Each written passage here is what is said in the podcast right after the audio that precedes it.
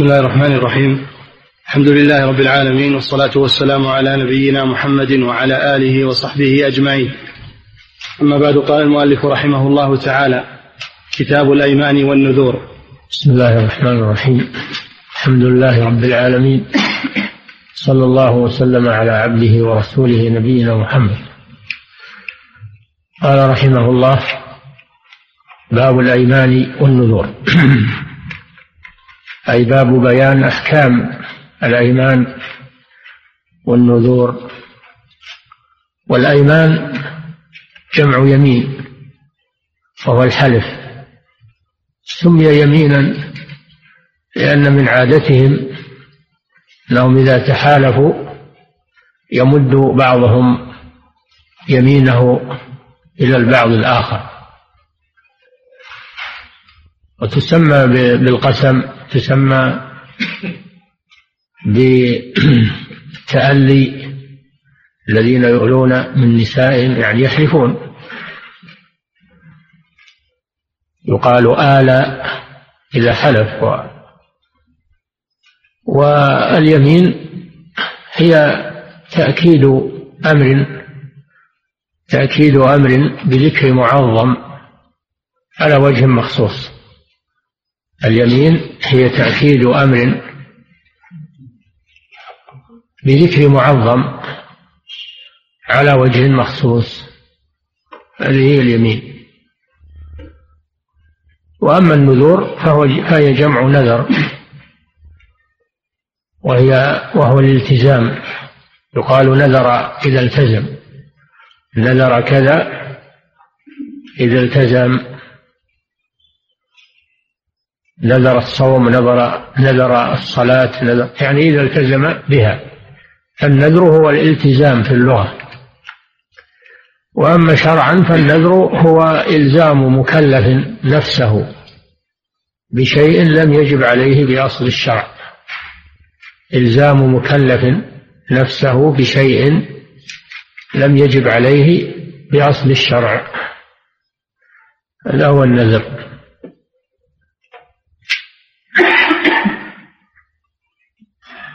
واليمين والحلف والقسم والألية. اليمين والحلف لا يجوز إلا إلا بالله سبحانه وتعالى كما يأتي في الأحاديث تحريم الحلف بغير الله. هذا بالنسبة للمخلوقين. وأما بالنسبة لله جل وعلا فإنه يحلف بما شاء من خلقه. ويقسم بما شاء من خلقه يقسم سبحانه وتعالى بنفسه ويقسم بما شاء من خلقه ولا يقسم إلا بشيء له أهمية. فأقسم بالتين والزيتون والبلد الأمين وأقسم بأشياء من مخلوقاته أقسم بالشمس والقمر والليل والنهار والضحى والفجر. هذا في حقه سبحانه وتعالى يقسم بما شاء. أما بالنسبة للمخلوقين فليس لهم أن يقسموا إلا بالله عز وجل. لأن القسم تعظيم. فلا يجوز أن يعظم إلا الله جل وعلا. واليمين يجب احترامها. يجب احترام اليمين وتوقيرها وعدم التهاون بها. قال الله تعالى واحفظوا أيمانكم أي لا تحلفوا. وذم الذين يكثرون من الحلف والكثرة في الحلف علامة النفاق. الذي يكثر من الحلف هذا دليل على أنه لا يحترمها وأنه يبتذلها. وأما الذي يقلل من الحلف هذا دليل على أنه يحترم اليمين. قال الله جل وعلا ولا تطع كل حلاف مهين. كل حلاف يعني كثير الحلف. وأخبر عن المنافقين أنهم يحلفون يحلفون على الكذب وهم يعلمون. لأنه لا قيمة للأيمان عندهم. فكثرة الحلف التهاون بها من صفات المنافقين.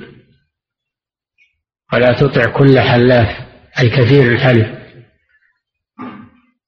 ومن الذين لا ينظر الله إليهم يوم القيامة ولا يزكيهم ولهم عذاب أليم رجل جعل الله بضاعته لا يبيع إلا بيمينه ولا يشتري إلا بيمينه. هذا غضب الله عليه وتوعده أنه لا ينظر الله إليه يوم القيامة ولا يزكيه وله عذاب أليم. فيجب احترام الأيمان تعظيم الأيمان وأن لا يحلف الإنسان إلا عند الحاجة. والأيمان أقسام منها ما هو لغو منها ما هو لغو لا إثم فيه ولا كفارة. وذلك مثل قول الرجل لا والله وبلا والله من غير قصد يجري على لسانه من غير قصد. فهذا لغو لا يؤاخذكم الله باللغو في أيمانكم ولكن يؤاخذكم بما كسبت قلوبكم. في الآية الأخرى ولكن يؤاخذكم بما عقدتم الأيمان أي قصدتم عقده. أما الذي يجري على اللسان من صيغة اليمين وهو لا يقصده ولا يقصد عقده فهذا لغو كما يأتي في حديث عائشة. وكذلك من لغو اليمين يعني لغو اليمين على قسمين. القسم الأول ما يجري على لسان الإنسان من غير قصد مما هو على صيغة الحلف ولكنه لم يقصده. النوع الثاني أو القسم الثاني إذا حلف على أمر ماض يظن صدق نفسه فبان بخلافه. هذا لا إثم فيه هذا لغو لأنه لم يقصد الكذب وبنى على غالب ظنه كما لو حلف إن فلانا قد جاء وتبين أنه لم يأتي. بناء على غالب ظنه ظن أنه جاي فحلف أو أنه لم يأتي وصار قد أتى فإذا حلف على أمر ماض يظن صدق نفسه ثم تبين بخلافه فهذا لا إثم فيه لأنه من لغو اليمين. لا يؤاخذكم الله باللغو في أيمانكم. هذا القسم الأول لغو اليمين. القسم الثاني اليمين الغموس. اليمين الغموس. سميت غموسا لأنها تغمس صاحبها في النار. اليمين الغموس. وسيأتي ذكرها في الحديث. أنه يتعمد الكذب يحلف على شيء يحلف على شيء أنه كذا وكذا وهو بخلاف ما حلف وهو يعلم ذلك لكن يقصد التغرير للناس كان يحلف عند القاضي في خصومة يحلف عند القاضي في خصومة إذا ادعي عليه توجهت عليه اليمين حلف وهو كاذب. هذه اليمين الغموس والعياذ بالله. أو يبيع ويشري ويحلف إن أنه صادق وأنه شرى السلعة بكذا وأنه سيمت منه كذا وهو كاذب. هذه اليمين الغموس التي حلف عليها كاذبا متعمدا وهي على أمر ماضي. هذه هي اليمين الغموس. والثالث اليمين المنعقدة وهي التي يقصد عقدها على أمر مستقبل ممكن كأن يحلف لا أفعلن كذا أو يحلف لا أفعل كذا يعني يحلف على فعل شيء أو يحلف على تركه ثم يخالف يمينه. هذه هي اليمين المنعقدة التي تجب بها الكفارة إذا حلف على أمر مستقبل وهذا المستقبل ممكن غير مستحيل ثم خالف يمينه. فهذه هي اليمين المنعقدة التي قال الله فيها ولكن يؤاخذكم بما عقدتم الأيمان. وهذه التي تجي فيها الكفارة كما إذا حلف لا يفعلن كذا أو حلف لا يفعل كذا وفعله أو لم يفعله. فهذه هي محل البحث الآن. وعلى كل حال فهذا الباب باب عظيم يجب على المسلم أن يعتني به. يجب على المسلم أن يعتني به ويعرف أحكامه ويتفقه فيه. حتى لا يقع في في الإثم. نعم. عن ابن عمر رضي الله عنهما عن رسول الله صلى الله عليه وسلم أنه أدرك عمر بن الخطاب في ركب وعمر يحلف بأبيه. فناداهم رسول الله صلى الله عليه وسلم ألا إن الله ينهاكم أن تحلفوا بآبائكم فمن كان حالفا فليحلف بالله أو ليصمت متفق عليه. هذا الحديث فيه أن النبي صلى الله عليه وسلم أدرك ركبا أي لحق بأناس مسافرين على ركائب. وفيهم عمر رضي الله عنه. فحلف عمر بأبيه حلف بأبيه على عادتهم في الجاهلية أنهم يحلفون بآبائهم النبي صلى الله عليه وسلم نادى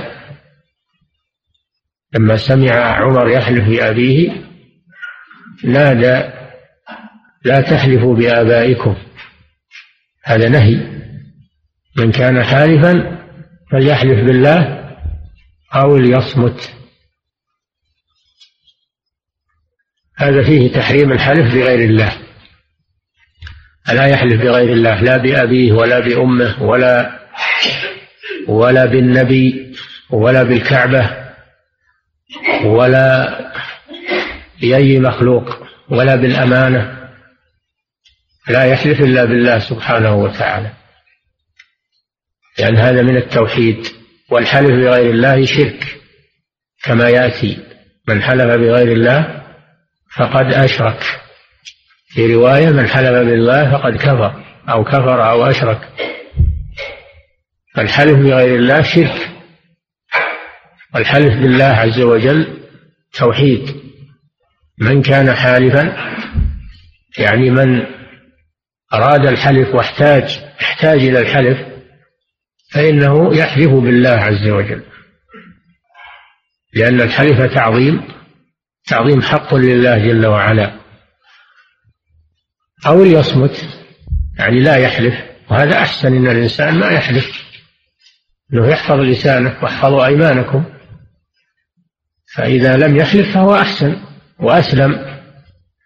وإذا حلف فلا يحلف إلا بالله سبحانه وتعالى. هذا فيه تحريم الحلف بغير الله وفيه تعليم الناس إذا كانوا على خطأ. فإن العالم ينبههم ولا يتركهم على خطأ. فإن النبي صلى الله عليه وسلم نبه عمر رضي الله عنه. ففيه أن العالم لا يسعه السكوت إذا رأى مخالفات من الناس بل يبين لهم الحق ويعلمهم ما يجهلون. هذه فائدة العالم. أما العالم الذي لا. آه، العالم الذي لا ينفع الناس بعلمه هذا الجاهل أحسن حالا منه لأن الجاهل ليس عليه إثم ولا يكلف لكن هذا كتم العلم. يكون عليه إثم الكتمان. ليس المقصود من تعلم العلم إن, إن الإنسان يخزنه في صدره ولا يبينه للناس.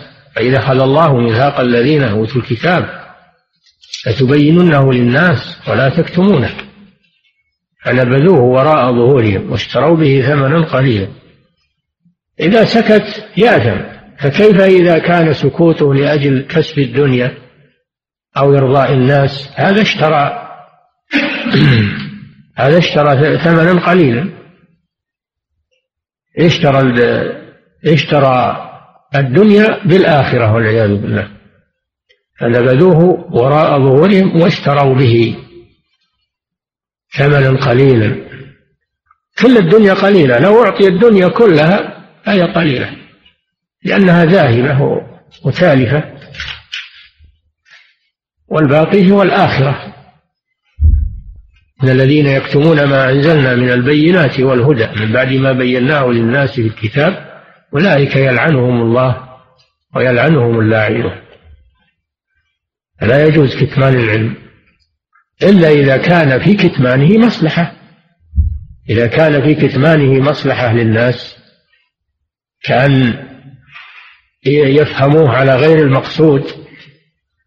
إذا فهموه على غير المقصود أو جرهم إلى جرهم بيان العلم إلى التساهل في أمر الله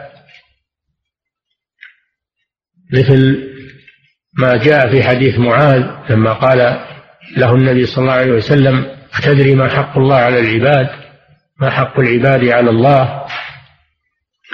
قال الله ورسوله أعلم. قال فإن حق الله على العباد أن يعبدوه ولا يشركوا به شيئا. وحق العباد على الله أن لا يعذب من لا يشرك به شيئا. ففرح معاذ بهذه أن لا يعذب من لا يشرك به شيئا. فقال ألا أخبر الناس يا رسول الله؟ ألا أبشر الناس؟ قال لا تبشرهم فيتكلوا يعني يتساهلون في الذنوب والمعاصي. يقولون ما دام ما عندنا شرك إحنا ما علينا خلاف إحنا من أهل الجنة. فيتساهلون في المعاصي. فإذا كان بيان بعض مسائل العلم إذا كان بعض مسائل العلم فيها ضرر في بثها على الناس يفهمونها على غير المقصود فإنه لا تبين لهم. قال لا تبشرهم فيتكلوا يعني ويتركوا العمل ويتساهلون في المعاصي يقولون ما دامت إنها دون الشرك فإنها لا تضر. فهذا يجوز كتمان العلم فيه المصلحه كتمان العلم للمصلحة. أما كتمانه من غير مصلحة فهذا ضرر عظيم. مصلحة يعني في الدين ما هي مصلحة دنيوية. مصلحة في الدين وليس كتمانه للمصلحة الدنيوية لا. هذا ثمن اشترى به ثمنا قليلا.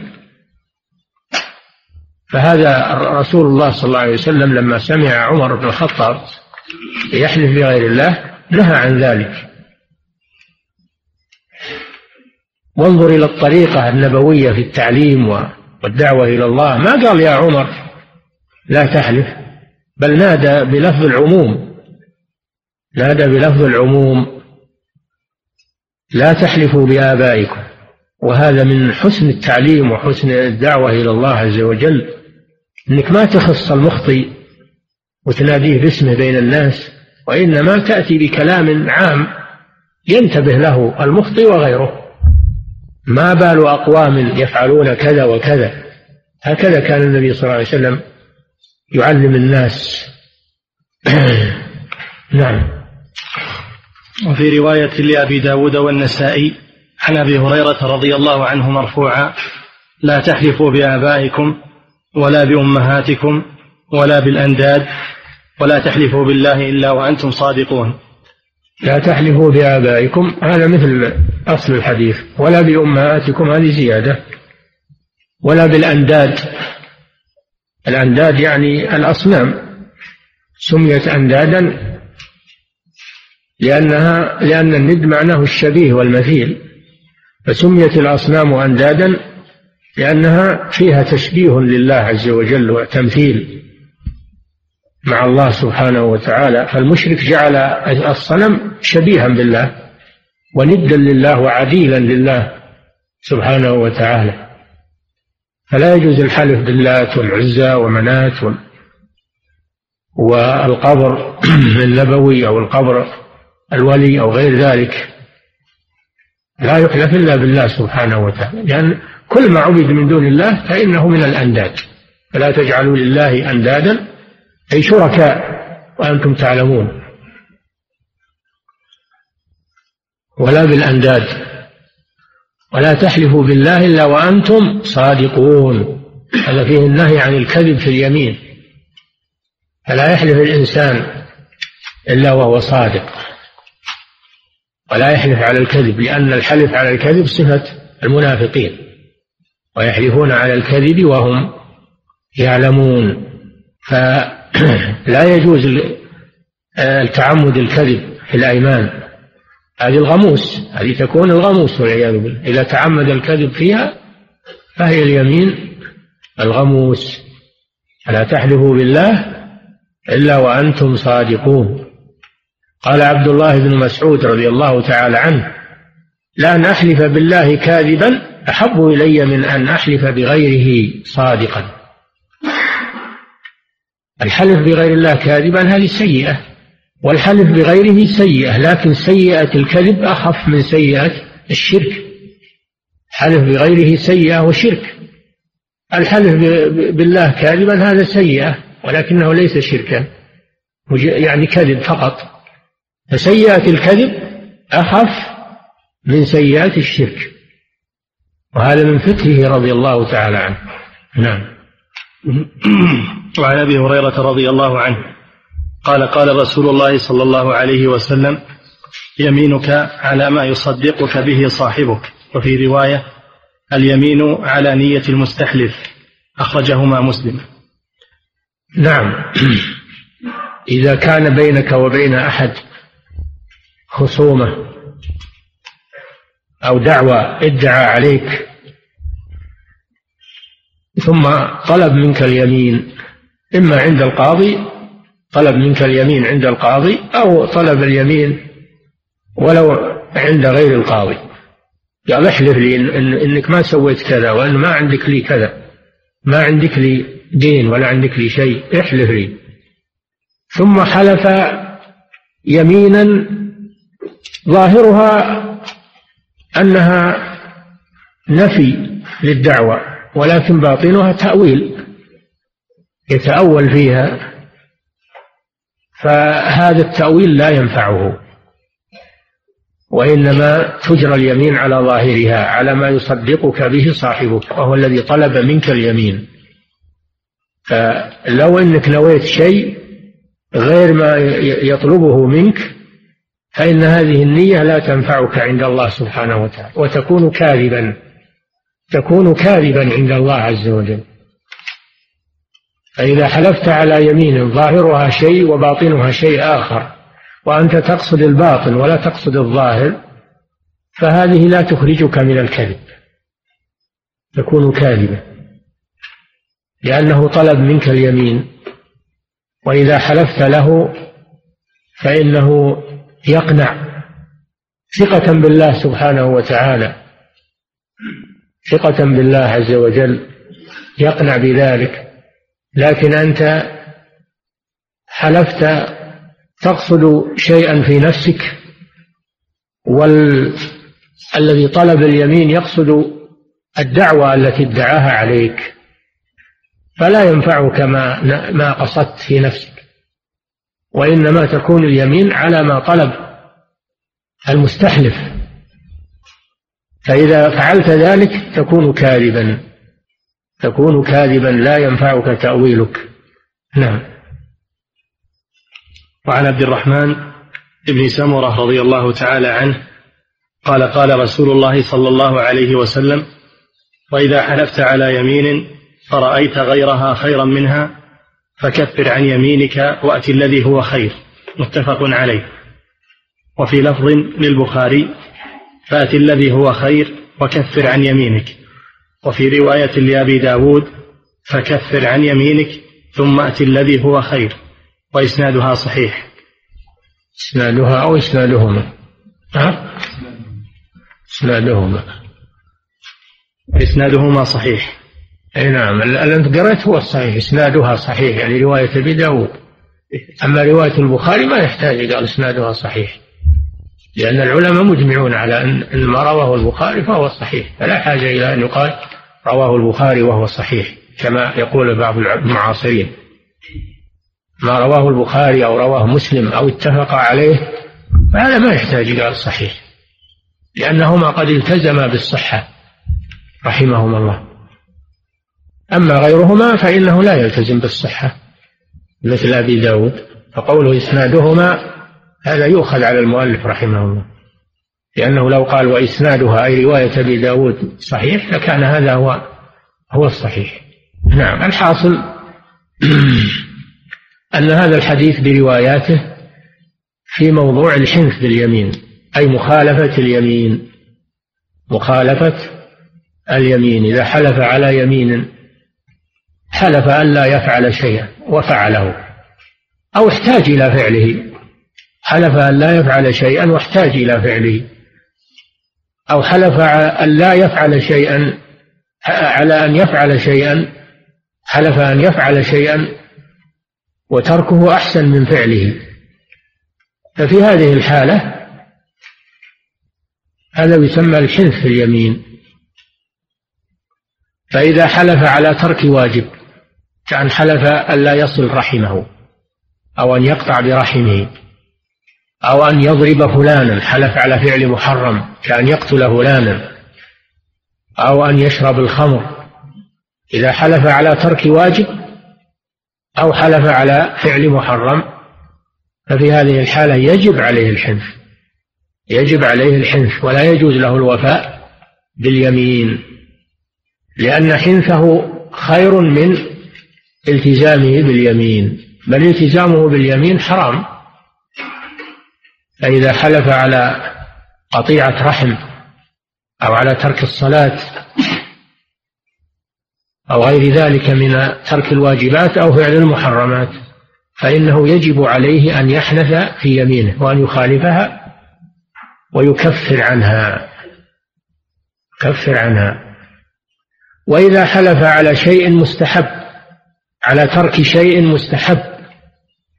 كأن حلف لا يصلي صلاة الضحى أو حلف لا يوتر بالليل أو لا يصلي الرواتب مع الفرائض. فهذا حلف على ترك مستحب. الأفضل أن يحنث وأن يأتي بالمستحبات ويكفر عن يمينه. إذا حلف على فعل مكروه إذا حلف على فعل مكروه فإنه يستحب له أن يترك المكروه وأن يكفر عن يمينه. إذا حلف على ترك مستحب أو فعل مكروه فإنه يستحب له الحنث في يمينه. وفعل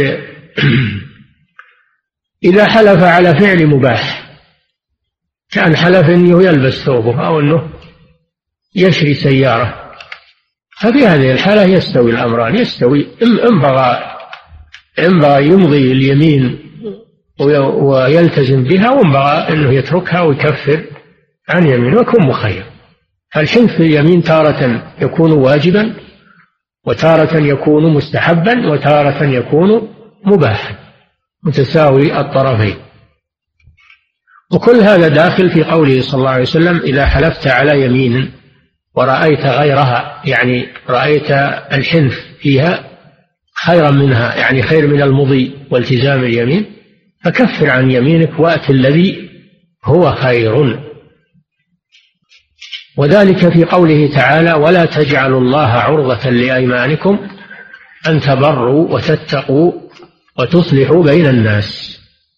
إذا حلف الإنسان أنه ما يصلح بين الناس أو أنه ما يقرض أحد أو ما يحسن إلى أحد فإنه لا يجوز له الاستمرار باليمين بل عليه أن يتركها ويكفر عن يمينه ولا تجعلوا الله عرضة لأيمانكم أن تبروا وتتقوا وتصلحوا بين الناس والله سميع عليم. هذا في الكتاب وفي السنة أيضا. إذا حلفت على يمين ورأيت غيرها خيرا منها. ففي هذه الأحوال تارة يجب مخالفة اليمين وتارة وتارة يجب الالتزام باليمين وعدم نقضها كما إذا حلف لا يشرب الخمر حلف لا إنه ما يسرق أو حلف أنه لا يزني فهنا يجب عليه البر باليمين ويحرم عليه الحنث لأنه حلف على ترك محرم فيجب عليه الوفاء باليمين ولا يجوز له الحنث وإذا حلف على ترك مستحب أو فعل مكروه فيستحب له الحنث فالحنث في اليمين تارة يكون واجبا وتارة يكون محرما وتارة يكون مستحبا وتارة يكون مباحا. على هذا التفصيل ينبغي معرفة هذا الشيء. وفي قوله فأت الذي هو خير وكفر. وفي رواية كفر وأت الذي هو خير.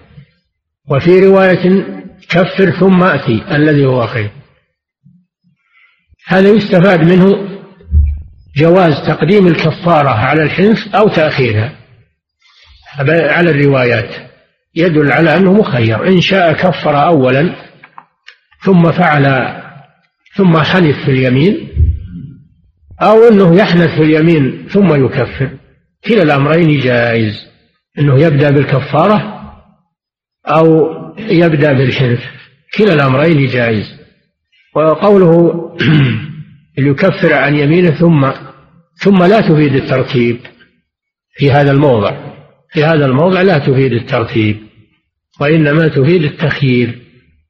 حملا على الروايات الأخرى التي فيها التخيير. فيخير بين أنه يقدم الكفارة على الحنث أو يؤخرها عن الحنث في هذه الأحوال. إذا كان الحنث واجبا أو كان مستحبا أو كان مباحا. فهو مخير. إن شاء قدم الكفارة وإن شاء أخر. والكفارة سيأتي سيأتي بيانها. نعم. وعن ابن عمر رضي الله تعالى عنهما أن رسول الله صلى الله عليه وسلم قال من حلف على يمين فقال إن شاء الله فلا حنث عليه. رواه أحمد والأربعة وصححه ابن حبان. هذا الحديث في الاستثناء باليمين. أن الإنسان إذا استثنى فإنه لا يحلف. إذا قال والله إن شاء الله لأفعلن كذا أو والله إن شاء الله لا أفعل كذا هذا استثناء. فلا يكون عليه شيء إذا خالف اليمين لأنه استثنى وله ما استثنى. لأنه إذا إذا حلف ليفعلن شيئا ولم يفعله فهذا دليل على أن الله لم يشاء أنه يفعل. وإذا حلف على فعل شيء ولم يفعله فهذا دليل على أن الله لم يشاء فعله. وهو علق على المشيئة على مشيئة الله سبحانه وتعالى. فهذا يسمونها الاستثناء في اليمين وهو ينفع بشرطين. الشرط الأول أن يتلفظ بالاستثناء. فقال لأن الرسول صلى الله عليه وسلم يقول فقال إن شاء الله يتلفظ. أما لو نوى بقلبه فقط فإنه لا ينفعه الاستثناء. الشرط الثاني أن يكون متصلا باليمين. فلو حلف ثم بعد مدة قال إن شاء الله ما ينفع ذا لأن الاستثناء انفصل وتأخر. فلا ينفعه فلا بد أن يكون متصلا باليمين وهذا تفيده الفاء فقال إن شاء الله فقال هذا يدل على الاتصال. أما لو حلف اليوم ليفعلن كذا ويوم صار بكرة ولا بعد أيام قال إن شاء الله فهذا لا ينفعه لأن الاستثناء انفصل. أما الفصل الذي هو ضروري كما لو حلف ثم عطس أو كح أو أو نعس مثلا هذا فاصل لا يضر لأنه بغير اختياره أما إذا كان الفاصل باختياره فإنه لا ينفعه تعليق على المشيئة. هذا ما يفيده هذا الحديث أنه إذا استثنى باليمين ثم خالفها لا تلزمه كفارة. بشرط أن يكون الاستثناء متلفظا به وبشرط أن يكون متصلا باليمين. نعم. وعنه قال كانت يمين النبي صلى الله عليه وسلم لا ومقلب القلوب. رواه البخاري. النبي صلى الله عليه وسلم كان يحلف لكنه لا يحلف إلا وهو صادق عليه الصلاة والسلام. الحلف إذا كان الإنسان صادقا لا بأس به بل قد يكون مشروعا. النبي صلى الله عليه وسلم كان يحلف وكان يقول لا ومقلب القلوب وأحيانا يقول والذي نفسي بيده والذي نفسي بيده. وجاءت عنه صلى الله عليه وسلم صيغ في حلفه عليه الصلاة والسلام. ومعنى مقلب القلوب أي مقلب الأحوال أحوال القلوب أحوال القلوب. القلب نفسه اللي هو اللحمة هذا لا يقلب إنما أحوال القلب. الله جل وعلا يقلب أحوال القلب من هدى من هداية إلى ضلالة ومن حق إلى باطل ومن كفر إلى إيمان أو من إيمان إلى كفر. فالله هو الذي يقلب القلوب جل وعلا هو الذي يهدي القلوب وهو الذي يضل القلوب. فقلوب العباد بين أصبعين من أصابع الرحمن. إذا أراد أن يقلب قلب عبد قلبه سبحانه وتعالى.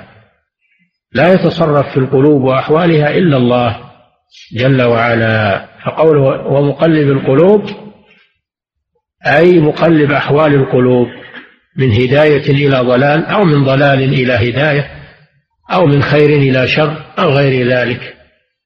فالقلوب أحوالها بيد الله سبحانه وتعالى وتغييرها بيد الله عز وجل.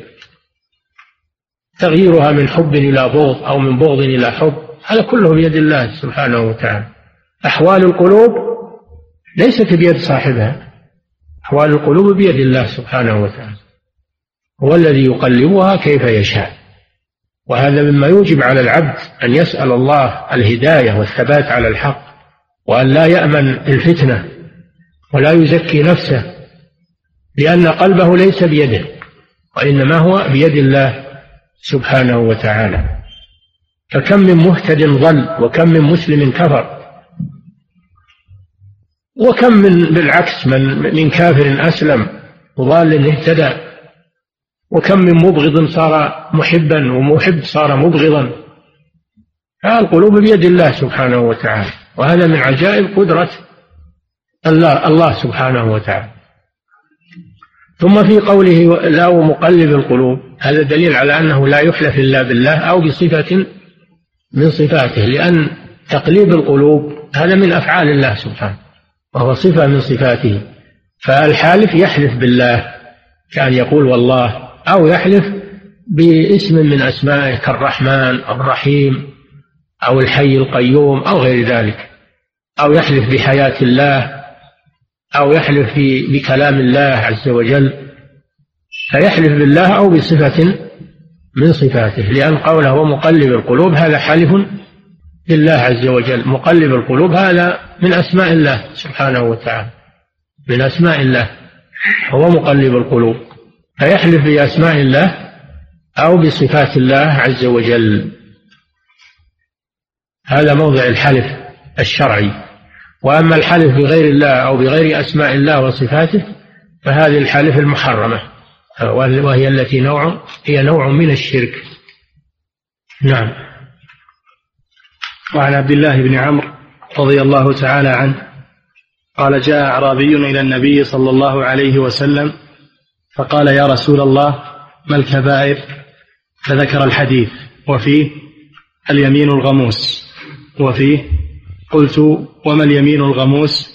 قال التي يقتطع بها مال امرئ مسلم هو فيها كاذب أخرجه البخاري. نعم. هذا فيه أن هذا الأعرابي سأل النبي صلى الله عليه وسلم عن الكبائر أي عن الذنوب الكبائر لأن الذنوب تنقسم إلى قسمين كبائر وهي اللمم وصغائر صغائر وهي اللمم وكبائر. كما قال سبحانه وتعالى إن تجتنبوا كبائر ما تنهون عنه نكفر عنكم سيئاتكم. اجتنبوا كبائر ما تنهون عنه نكفر عنكم سيئاتكم. والذين يجتنبون كبائر الإثم والفواحش إلا اللمم يعني الذنوب الصغار. اللمم هي الذنوب الصغار. إن ربك واسع المغفرة. فالذنوب الصغار قابلة للمغفرة. وأما الكبائر فلا تغفر إلا بالتوبة. لا تغفر إلا بالتوبة. فهذا الحديث فيه دليل على أن الذنوب تنقسم إلى كبائر وصغائر كما هو قول الجمهور. واختلف العلماء في ضابط الكبيرة. ما هو؟ والمختار والأقرب والله أعلم ما ذكره شيخ الإسلام ابن تيمية وابن القيم وغيرهما أن الكبيرة ما توعد عليه بلعنة أو غضب أو نار أو قال ليس منا من فعل كذا ما ختم بلعنة أو غضب أو نار أو رتب عليه حد في الدنيا كحد السرقة وحد الزنا وحد المسكر فما رتب عليه حدود في الدنيا فهو من الكبائر. وما رتب عليه وعيد في الآخرة فهو من الكبائر. وما نهي عنه وما نهي عنه ولم يرتب عليه وعيد في, الآخرة ولا حد في الدنيا فهذا من الصغائر. فالمنهيات على قسمين. منهي كبيرة من الكبائر وهو ما رتب عليه حد في الدنيا أو وعيد في الآخرة. أو قال ليس منا من فعل كذا. والصغائر ما نهي عنه ولم يرتب عليه وعيد. وعيد خاص. لم يرتب عليه وعيد خاص. فهذا يعتبر من الصغائر. هذا ضابط الكبيرة والصغيرة والفرق بينهما أن الكبائر لا تغفر إلا بالتوبة. وأما الصغائر فإنها تكفر بالطاعات. تكفر بالطاعات وأقم الصلاة طرفي النهار وزلفا من الليل إن الحسنات يذهبن السيئات الصلوات الخمس الجمعة إلى الجمعة ورمضان إلى رمضان كفارة لما بينهن إذا اجتنبت الكبائر الله جل وعلا يقول إن تجتنبوا كبائر ما تنهون عنه نكفر عنكم سيئاتكم ما المراد بالسيئات؟ الصغائر كفر عنكم سيئاتكم الصغائر. فإذا تجنب الإنسان الكبائر فإن الله وعده أن يغفر له الذنوب الصغائر. وهذا الأعرابي سأل رسول الله صلى الله عليه وسلم ما الكبائر فذكرها له. الشرك بالله والسحر وقتل النفس التي حرم الله إلا بالحق وعقوق الوالدين والتولي يوم الزحف وقذف المحصنات الغافلات المؤمنات واليمين الغموس. من الكبائر اليمين الغموس. قال الراوي سأل النبي صلى الله عليه وسلم ما الغموس؟ قال التي يحلف بها ليقتطع بها مال امرئ مسلم. هو فيها كاذب. هذه اليمين الغموس. التي يحلف بها إذا ادعى عليه مدع بحق عنده وليس له بينة ليس للمدعي بينة فإن له اليمين. على المدعى عليه قوله صلى الله عليه وسلم البينة على المدعي واليمين على من؟ على من أنكر. فإذا حلف المنكر وهو كاذب وهو كاذب في لأجل أن يأخذ حق هذا الخصم الذي طلب حقه منه. إذا حلف وهو كاذب ليتقي بها دفع الحق لصاحبه فإن هذه هي اليمين الغموس. الغموس بمعنى الغامسة فعول بمعنى فاعلة غامسة في النار والعياذ بالله.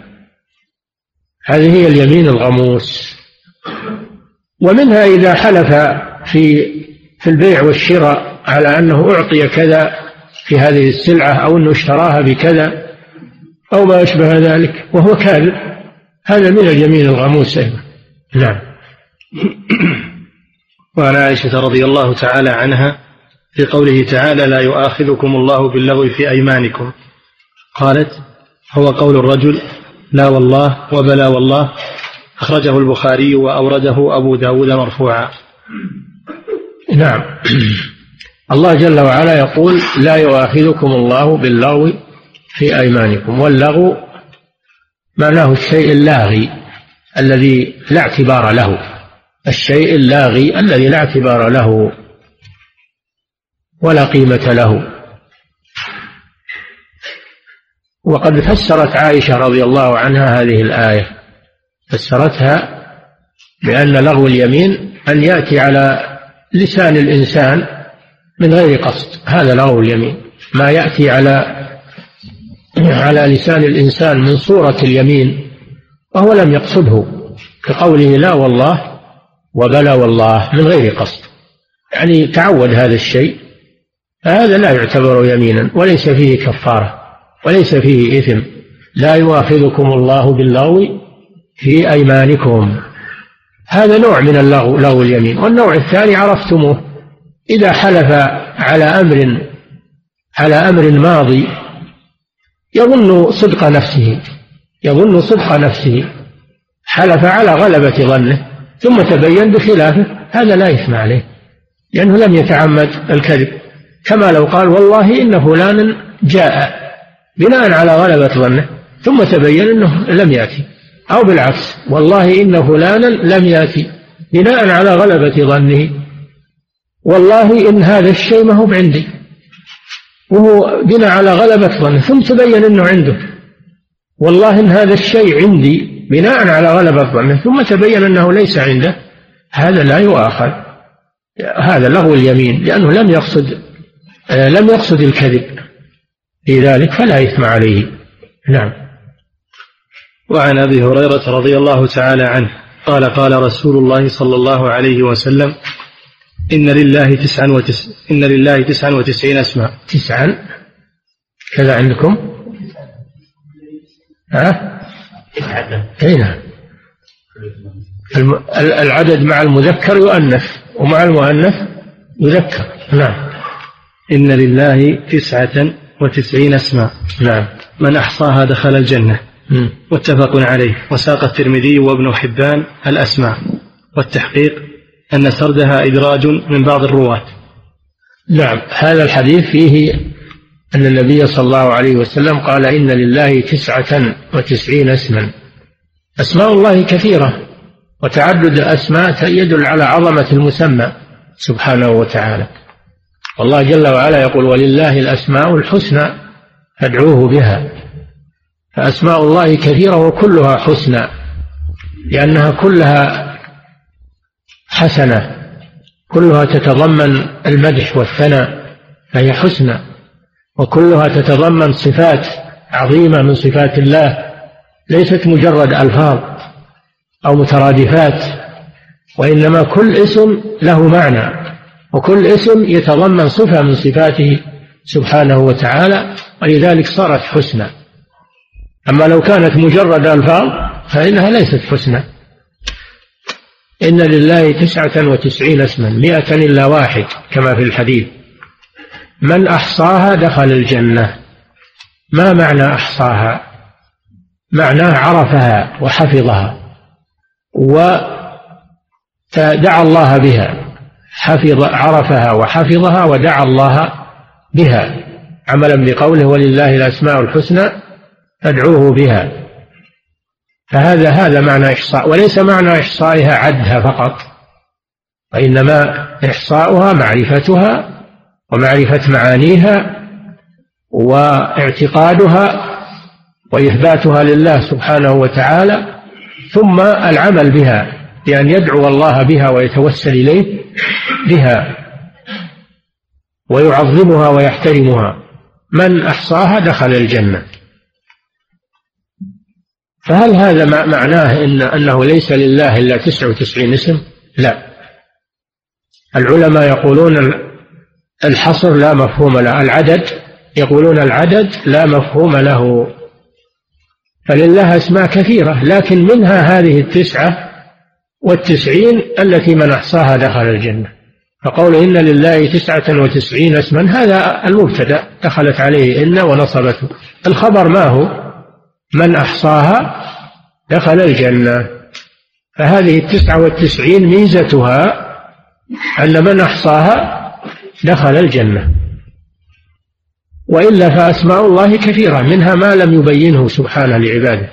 كما في حديث أسألك بكل اسم هو لك سميت به نفسك أو أنزلته في كتابك أو علمته أحدا من خلقك أو استأثرت به في علم الغيب عندك. فدل على أن لله أسماء لم يبينها لعباده وإنما استأثر بها في علم الغيب عنده سبحانه وتعالى. والغرض يعني ما ما الغرض من إيراد هذا الحديث في باب الأيمان؟ الغرض منه أن اليمين تكون بالله أو باسم من أسمائه سبحانه وتعالى. هذه التسعة والتسعين إذا حلفت بواحد منها انعقدت يمينك أو حلفت بغيرها من أسماء الله سبحانه وتعالى. طيب. الحديث جاء في آخره عند أبي داود وابن حبان ذكر التسعة والتسعين مذكورة في سنن أبي داود وفي آه، صحيح ابن حبان. لكن هذه الأسماء التي ذكرت ليست من أصل الحديث وإنما هي من قول الراوي. الراوي جمعها وتتبعها من الكتاب والسنة وذكرها مدرجة في الحديث والمدرج هو ما كان من كلام الراوي والمرفوع ما كان من كلام النبي صلى الله عليه وسلم. هذا معنى قوله مدرج. وأسماء الله وصفاته كثيرة. فإذا تتبعت القرآن الكريم وتتبعت السنة تجد الأسماء الكثيرة. فعد ما يسر الله لك. من القرآن أو من السنة بشرط أن تكون الأحاديث التي التي تستدل بها صحيحة ثابتة عن الرسول صلى الله عليه وسلم. فعد تسعة وتسعين وأحصها وتوسل إلى الله بها تحصل على هذا الوعد الكريم من غير تعيين لأسماء محددة. هذا التحديد الذي ذكروه هذا اجتهاد منهم. وإلا فالأمر أوسع من ذلك. فعليك أنك تعد من أسماء الله ما يسره الله لك وتدعو الله به تتوسل إلى الله به وتحصل على هذا الوعد الكريم. وهذا فيه الحث على معرفة أسماء الله وصفاته سبحانه وتعالى وتعلمها وتعليمها وذكرها للمسلمين. عكس اللي يقولون الله ليس له أسماء وليس له صفات تعالى الله عما يقولون علوا كبيرا. من الجهمية والمعتزلة ومن نحى نحوهم من الذين يجحدون أسماء الله وصفاته هؤلاء توعدهم الله بقوله وذروا الذين يلحدون في أسمائه سيجزون ما كانوا يعملون. نعم. وعن أسامة بن زيد رضي الله تعالى عنهما قال قال رسول الله صلى الله عليه وسلم من صنع إليه معروف فقال لفاعله جزاك الله خيرا فقد أبلغ في الثناء. أخرجه الترمذي وصححه ابن حبان. هذا مثل الحديث الذي مر بنا في كتاب التوحيد. مثل الحديث الذي مر بنا في كتاب التوحيد في قوله صلى الله عليه وسلم ومن صنع إليكم معروفا فكافئوه فإن لم تجدوا ما تكافئوه فادعوا له حتى تروا أن قد كافأتموه هذا مثله لكن العجيب سياق المصنف له في كتاب الأيمان. لم يظهر لنا مناسبة في ذكره في كتاب الأيمان. ومعناه واضح أن الإنسان إذا صنع له معروف يكافئ صاحبه فإذا لم يقدر على مكافأته فإنه يدعو له ويقول جزاك الله خيرا. فإذا قال ذلك فقد أبلغ في الثناء يعني كافأه كافأه على صنيعه لأنه إذا دعا له بأن يجزيه الله خيرا فهذا فهذا أكثر من معروفه الذي بذله له. نعم. وعن ابن عمر رضي الله تعالى عنه هذا وقفنا على النذور. نعم. بالمناسبة بكرة إن شاء الله ما في درس. يوم السبت إن شاء الله. نعم. يقول فضيلة الشيخ وفقكم الله. ما حكم من حلف على زوجته وهو كاذب خشية أنه لو قال الصدق أن يحدث أن يحدث بينهما طلاق؟ لا يحلف ولكن يأتي بكلام بكلام يرضيها به وليس هو من الحلف. يعدها بوعود يقول أجيب لك كذا وسأحسن إليك وسا يعني يعدها بوعود ولو لم يكن صادقا في ذلك. أما الحلف فلا يحلف. لا يحلف لها وهو كاذب. نعم. يقول فضيلة الشيخ وفقكم الله الاشتقاق في كلمة الإيمان من آمن يؤمن إيمانا وهذا واضح. لكن الاشتقاق في كلمة الأيمان غير واضح فهل يقال إنها لا مفرد لها من جنسها؟ يا أخي بينا هذا في أول الكلام. قلنا الأيمان جمع يمين وهي الحلف سميت يمينا لأن من عادة العرب أنهم إذا تحالفوا يمد بعضهم إلى الآخر يمينه. هذا هو السبب. واليمين تجمع على أيمان. هذا في القرآن. لا يؤاخذكم الله باللغو في أيمانكم. هذا جمع. ومفردها يمين. نعم. يقول فضيلة الشيخ وفقكم الله بعض الناس يقول أمانة أنه حصل كذا وكذا. لا هذا ما يجوز. لا تحلفوا بالأمانة. لا تحلفوا بالأمانة. هذا من حلف بغير الله. قوله أمانة هذا على تقدير الحلف. أي والأمانة. حذف حذف حرف القسم ونصب الأمانة على نزع الخافض كما يقولون. هذا لا يجوز. نعم. وإذا لم يأتي بواو القسم وقال إنه لا يقصد اليمين أصلا فهل يعتبر من الشرك؟ لا لا ما يجوز هذا. هو يمين لكنه حذف واو القسم. وهذا يسوغ في اللغة العربية أنهم يحلفون يحذفون واو القسم. فلا يستعمل هذا. نعم.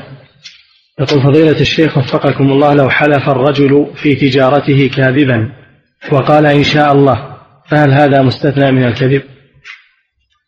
لا إن شاء الله على أمر مستقبل ما هو على أمر ماضي.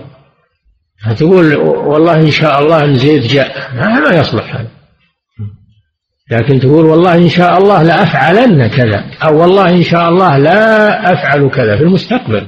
فالاستثناء في الأمر المستقبل أما الأمر الماضي فلا يصلح فيه الاستثناء. نعم. قل فضيلة الشيخ وفقكم الله ما حكم الحلف بالمصحف؟ وهل يكفي الحلف بالمصحف عن الحلف بالقرآن أو بكلام الله؟ إذا قصد بالمصحف كلام الله نعم فلا بأس. إذا قصد به ما فيه من كلام الله فلا بأس بذلك. لكن كونه يصرح يقول والقرآن أو سورة كذا أو آية كذا هذا أحسن من قوله والمصحف لأن المصحف فيه شيء ليس من القرآن مثل الغلاف ومثل الأوراق ومثل ومثل الخط. نعم. صلاة القائمة نعم. يقول فضيلة الشيخ وفقكم الله هل يجوز الحلف بآيات الله؟ كان يقول أقسم بآيات الله. إذا كان قصده آيات الله القرآنية نعم. إذا كان قصده الآيات الكونية الشمس والقمر والسماء والأرض فلا يجوز هذا حسب القصد. نعم. يقول فضيلة الشيخ وفقكم الله إذا حلف شخص على أمر مستقبل ثم قال في نفسه إن شاء الله فهل هذه اليمين تكون منعقدة أم لا؟ هذه منعقدة لأن قلنا أنه يشترط في الاستثناء أن يتلفظ به. يقول إن شاء الله أما إذا نواه بقلبه هذا لا يفيده شيئا. لأن الرسول صلى الله عليه وسلم يقول فقال إن شاء الله قال ما قال نوى إن شاء الله بقلبه نعم. يقول فضيلة الشيخ وفقكم الله إذا طلقت على شخص أن يفعل كذا إذا حلفت على شخص أن يفعل شيئا فلم يفعل فهل يجب علي الكفارة؟ ما جبت الطلاق هذا؟ أي مكتوبة الطلاق ها؟ كأنها طاء وهي حاء ها؟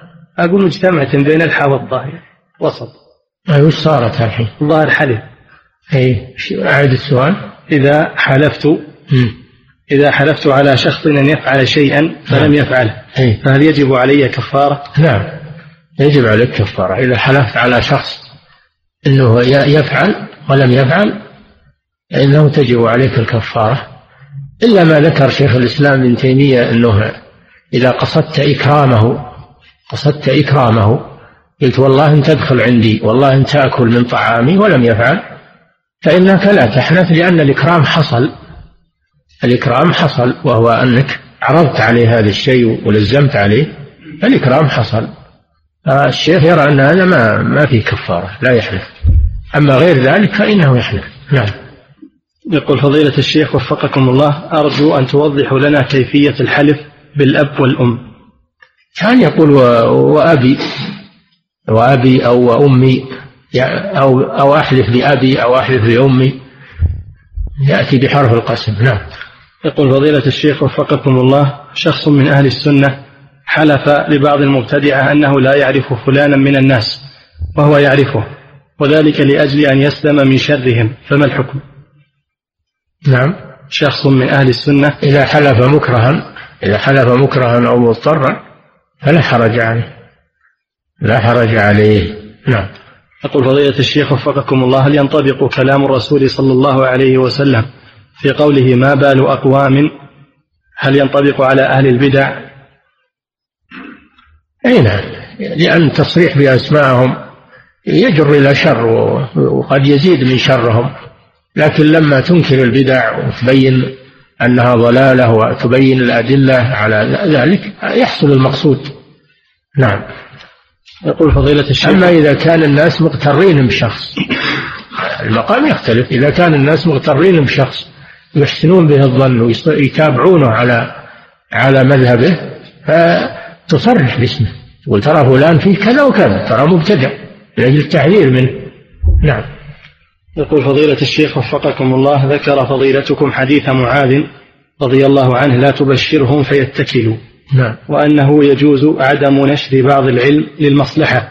نعم. فهل يدخل في ذلك مسألة أن الخطيب في خطبة العيد إذا وافق يوم الجمعة أنه لا يخبر الناس بل يكتم هذا العلم؟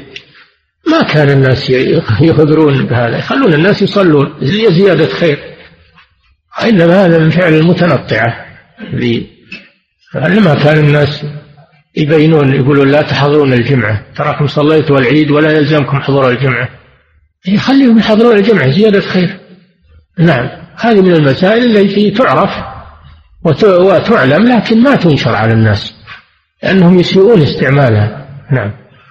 يقول فضيلة الشيخ وفقكم الله في سورة النور يقول الله سبحانه ويعلمون أن الله هو الحق المبين.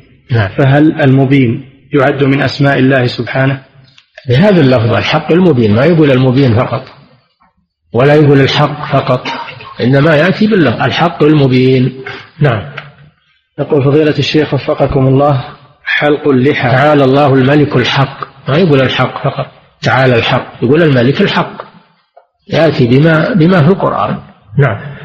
يقول فضيلة الشيخ وفقكم الله حلق اللحى هل هو يعد من الكبائر أو من الصغائر؟ هو الأصل أنه من الصغائر لكن إذا إذا الإنسان صار لا يبالي يجاهر به صار من الكبائر. المجاهرة بالمعصية والمداومة عليها تحولها من كبير من صغيرة إلى كبيرة. نعم. يقول فضيلة الشيخ وفقكم الله هل اليمين بالنبي تكون منعقدة؟ اليمين بغير الله لا تكون منعقدة لأنها حلف غير مشروعة فلا تكون منعقدة وليس فيها كفارة. نعم. يقول فضيلة الشيخ وفقكم الله رجل نذر أنه إذا شرب الدخان أنه يصوم سنة فشرب الدخان فهل يصوم؟ أم تكفيه الكفارة؟ علما أنه قد حاول الصيام ولم يستطع. هذا يجري مجرى اليمين. إذا نذر يقصد منع نفسه من شيء أو إلزامها بشيء نذر طاعة لا يقصد الطاعة هو وإنما يقصد منع نفسه أو إلزام نفسه فهذا يجري مجرى اليمين تحله الكفارة. كفارة يمين. نعم. يقول فضيلة الشيخ وفقكم الله هل يفهم من قول القائل والله بالأمانة؟ يعني أن ما أقوله لك أقوله بصدق. أو يفهم منه أنه حلف بغير الله؟ هو هذا هو الصحيح أنه حلف بغير الله. لا يجوز هذا. لا يجوز يقول والله بالأمانة. هذه صارت يمينين يمين بالله ويمين بالأمانة. يمين توحيد ويمين شرك. لا يجوز هذا. وش اللي معلزكم بها الأمانة هذه. لأن الرسول نهى عنها. اتركوا الكلام هذا. نعم.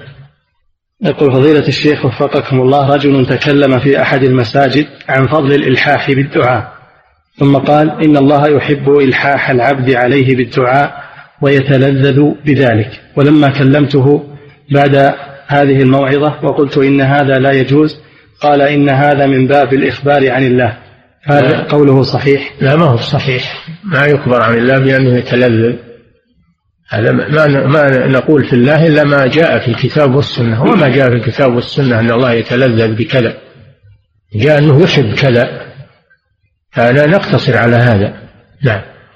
يقول فضيلة الشيخ وفقكم الله سمعت في بعض دروس أحد طلبة العلم القدامى أنه يقول إن علم الله عز وجل نوعان أزلي ومتجدد يتجدد بتجدد الحوادث ويستدل بقوله حتى نعلم المجاهدين منكم وقوله وليعلم الله من ينصره ورسله وغيرها من الآيات.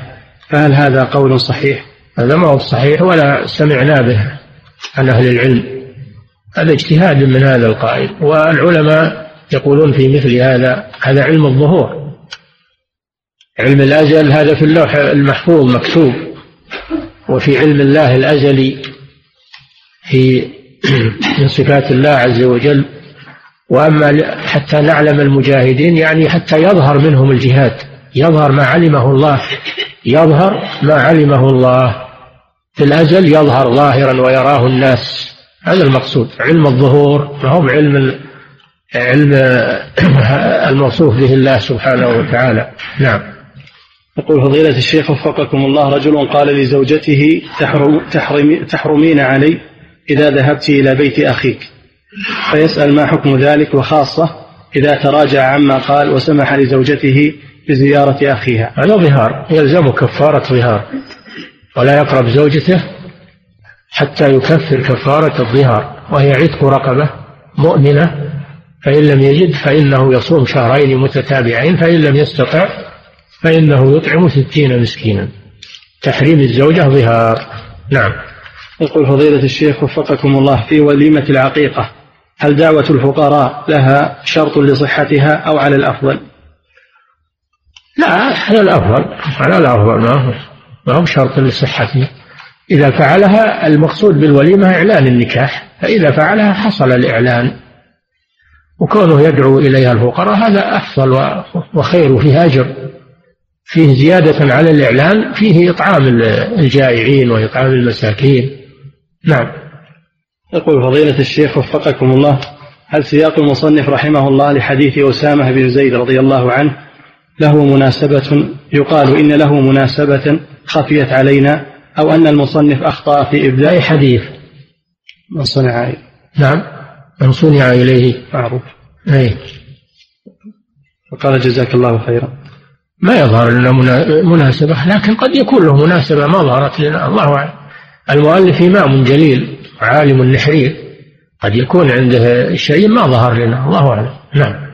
يقول فضيلة الشيخ وفقكم الله لا يقال في سياق المصنف أيضا لحديث من صنع إليكم؟ من صنع. إليه معروف. أنه ساقه لأجل أن من حلف أن يكافئ من صنع له معروفا وأطلق أنه إذا دعا له كافأه فلا يحنث في اليمين. هذا بعيد ولا ولا يدل عليه الحديث. نعم. يقول فضيلة الشيخ وفقكم الله. هذه فتاة تقول إنه من الله عليها بالهداية قريبا. فقام البعض من الأخوات بنصحي باستماع الأناشيد التي تسمى بالإسلامية عوضا عن سماع الأغاني المحرمة. فسمعتها ووجدت أن هذه الأناشيد ملحنة ومطربة وملهية عن ذكر الله وعن القرآن. مطربة ومطربة وملهية عن ذكر الله وعن القرآن كالأغاني تماما. فأرجو منكم توجيه النصيحة لي ولأخواتي اللاتي خدعن وفتن بهذه الأناشيد, بهذه الأناشيد بل وبالمنشدين أيضا. ننصحكم ب...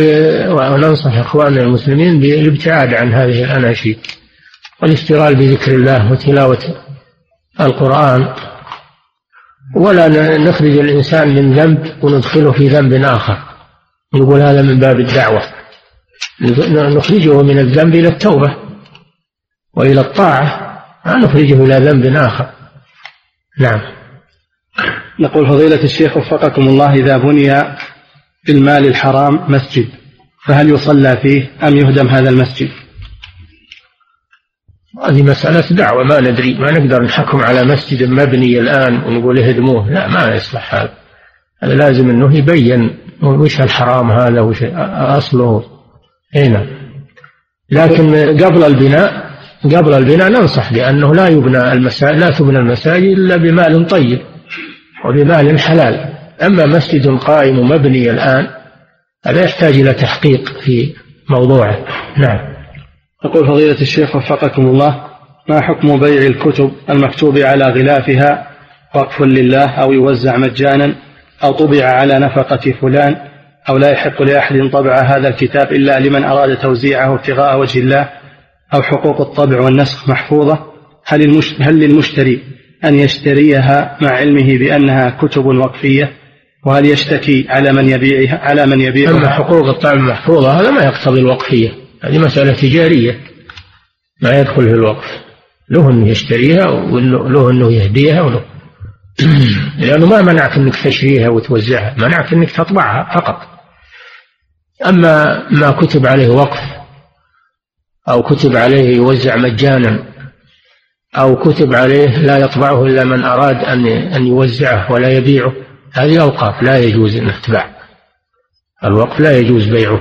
نعم. يقول فضيلة الشيخ وفقكم الله نعلم أنه إذا دخلت عشر ذي الحجة فلا يأخذ المضحي من بشرته شيئا. ولكن إذا كنت حاجا ووكلت من من يذبح الأضحية في بلدي ولا أعلم متى يذبحها الوكيل فمتى يجوز لي الأخذ من البشرة الأمر سهل. الآن الاتصال سهل. في التلفون أو الجوال اتصل عليه وقل له هل ذبحت الأضحية أو لا. فإذا ذبحها تأخذ من بشرك. نعم. يقول فضيلة الشيخ وفقكم الله بعض الناس يتجاوز الميقات ناويا للحج.